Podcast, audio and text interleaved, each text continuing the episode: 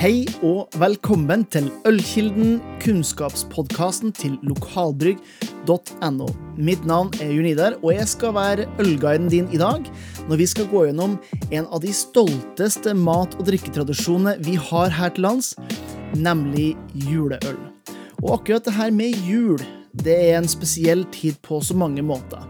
Historisk sett så er jul noe som har vært brukt eh, altså lenge før kristendommen. Eh, da man eh, feira jol sånn eh, rundt rundt vintersolverv. Det er jo selvfølgelig noe helt annet i dag, men det var det man gjorde. Man sparte på den beste maten, og man skulle lage den beste drikka for å feire vintersolvervet. Man skulle drikke til både Odin, for en skål for makt til kongen og seier i krig, og Frøyas skål, ikke minst, for fred og et godt år. Eh, vi må tilbake til eh, rundt 900-tallet. Den norrøne historiefortelleren, altså en skalden Torbjørn Hornklove, han skrev et hyllingsdikt til julefeiringa. Det her heter Haraldskved, eh, med et følgende sitat. Uti vil jol drekka. Og det kan tolkes som at ut vil han drikke jul. Ute var det en betegnelse på ut på havet, mens han Eh, var symbolet for kongen på den tida. Eh, så det her med, med, å drikke jul, altså juleøl, det er noe som har vært en del av uh, norsk kulturarv ganske lenge, som dere forstår. Etter hvert så kom jo kristendommen inn, og man skjønte at jul var en såpass eh, sterkt forankra tradisjon i eh, eh, ja, rett og slett i hele Norge at man ikke greide å innføre det som man i mange andre land kaller Kristi messe, altså Christmas, for de av dere som er flinke i nynorsk. Og da man beholdt dermed jul og forankra det. Eh, Istedenfor å ta Odins og Frøyas skål, så begynte man å ta en takk til Krist og Sankta Maria for fred og godt år. De eh, fikk til og med ordna det sånn at eh, det her med å lage juleøl var noe som ble lovfesta, først i Frostatingsloven og deretter i Gulatingsloven, der man eh, rett og slett hadde ordna en samling med lover, godt hjulpen av biskopen og kongene, da, sammen. Det her var ganske spesifikke regler. Eh, den sa blant annet at det ikke var lov til å drikke før andre dag jul. Til gjengjeld så var de ganske flinke å ta igjen eh, det tapte, om man kan eh, si det sånn, og man feirer ofte til både 13. og 20. dag jul, faktisk. Hvis man var en sjøleiende bonde, så var du pliktig til å brygge øl med en mengde korn tilsvarende din egen vekt og din kone, hvis du hadde det. Hvis du ikke greide å gjøre det i tre år på rad, så risikerte du faktisk å, å miste eh, gård og grunn og bli forvist. Eh, gården og grunn ble da delt mellom kongen og kirka. Og, og, sånn var det i mange, mange år. Eh, akkurat hvilken type juleøl det var på den tida, er litt vanskeligere å si, fordi vi har ikke et så stort eh, nett, eller arkiv av kunnskap fra den tida. Eh, men at det ble brygga juleøl, det er det ingen tvil om. At det ble brukt gode råvarer, er det heller ingen tvil om. Til den tida å være, selvfølgelig. Eh, og, og, det er rett og slett en, en litt sånn ukjent tid. En tid som vi vel, vet veldig mye om, det er industrialiseringa. Den starta rundt 1600-tallet eh, og, og varte spesielt eh, fikk den god fart i 1800-tallet, og juleøl ble etter hvert eh, litt det samme som mange av de andre ølene som man eh, hadde på den tida. Det ble færre og færre bryggerier, for man fikk større og større bryggerier. Man fikk en industrialisering, en effektivisering, og første gang man ser at juleøl er benevna, er i 1969. Eh, det denne industrialiseringa gjorde, var at man eh, ble eh, mer og mer samstemt om hva et juleøl skulle være. Og standardiseringa fortsatte spesielt når ølkartellene ble starta i 1935. Da ble rett og slett Norge delt i seksjoner, der bryggeriet hadde ansvaret for å ja, selge øl kun innenfor sitt geografiske område. Man eh, hadde avtalte priser, man hadde avtalte smaker, og tidsrom som man også kunne selge det. 29. november til 15. januar. Det var det eneste tidspunktet det var mulig å selge juleøl. Um, og det de gjorde dere det som hører på, dere hører at nå skjenkes det. Dere som ser, skal få se det ølet som jeg har i glasset. Det er Man fikk et eh, ganske jevnt produkt. Man fikk et uh, juleøl som var likt nesten uansett hvor man var, selvfølgelig med små geografiske uh, variasjoner. Men man fikk et uh, mørkt, gyllent øl som var hovedsakelig undergjæra. Og som hadde gode toner av altså kalle julesmaker og julearomaer. Eh, nå har jeg skjenkglasset mitt, skal ta en, en, liten, eh, en, liten, evaluering av det her tradisjonelle eh, norske juleølet. Når jeg lukter på det, akkurat det jeg snakker om. Du har litt sånn julekrydder, et sånn varmt preg av kanel, kardemomme.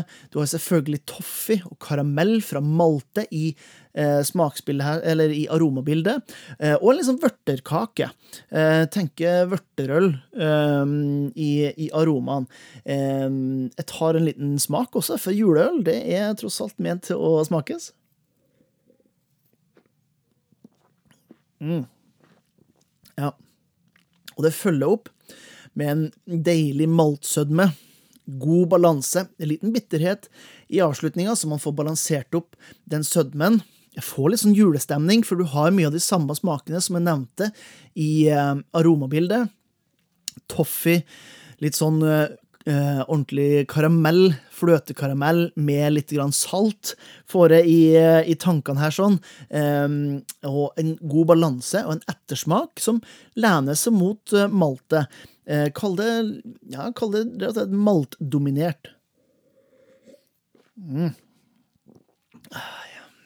Og fra 1935 til 1987 så var det jeg akkurat har beskrevet for dere og har smaka, for de av dere som eh, ser her episoden på YouTube, så var det her gjengs for et juleøl. Det betyr at eh, det var det du fikk, og eh, etter hvert så var det jo veldig lite variasjon, faktisk, når det kommer til øl generelt i Norge. Man hadde gått fra å ha veldig mange små regionale bryggerier til å ha noen få store bryggerier. Det betydde at det man hadde tilgjengelig, var eh, en pilsner. Eh, man hadde kanskje en eksport, hvis man var litt heldig. Eh, man hadde en bayer, og det var nesten det eneste. Så når juleølet kom, så var det en stor happening som ble, om ikke feira, så ble det i hvert fall et friskt pust i en ellers ganske monotom ølverden.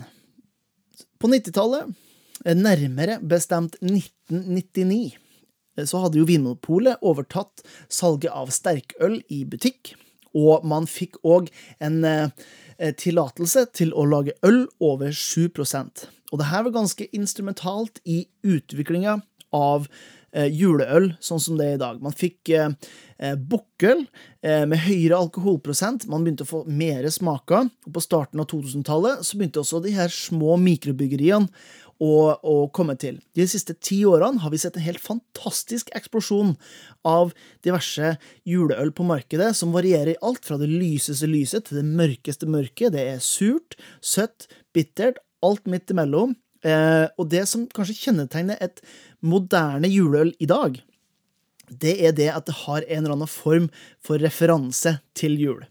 Og jeg skal ikke være en, eh, en, dømmende kraft i så måte, hva det er.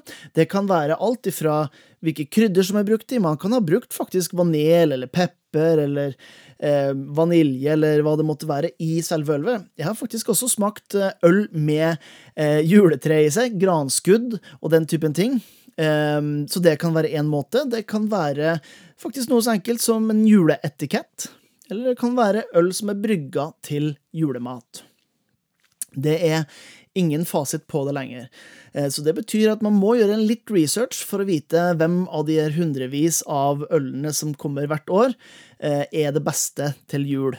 Eh, og det er jo derfor det er litt spennende, da, fortsatt med juleøl. Så jeg vil faktisk dele juleøl opp i de tre forskjellige kategoriene jeg nå har snakka om. Det er de i hermetegn, store hermetegn, forhistoriske, som er fra den litt sånn svunne tida der vi ikke har så mye dokumentasjon fra før vikingtida og fram til industrialiseringa. Så har vi den perioden som har vært i industrialiseringa, der det var få bryggerier og en undergjæra, mørkere, litt maltsøt øl som var juleølet, og der vi er i dag, som er de siste eh, 20 årene, der det er rett og slett snakk om eh, øl med en eller annen referanse til eh, jul. Og det kan være mange forskjellige typer. Når det kommer til en eh, ting som eh, eh, mat, så er jo det her med jul en tid der det ikke bare er god drikke, det er også masse, masse god mat. Det er jo en slags høytid for de som er glad i gode smaker, også synes i hvert fall, i hvert fall jeg. Og da kommer det litt an på hva er det som er godt til julematen. Jeg syns at det er veldig individuelt i forhold til hva man skal spise, selvfølgelig, og hvilke preferanser man har.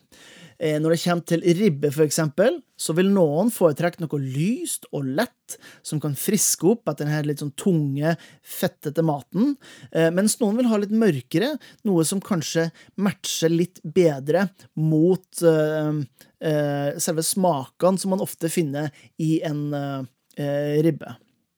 Når det kommer til pinnekjøtt, vil det være litt det samme, og når det kommer til Eh, selvfølgelig lutefisk, så vil det være litt, kanskje ikke så mye der som på kjøttet, men du vil allikevel ha en smakspreferanse.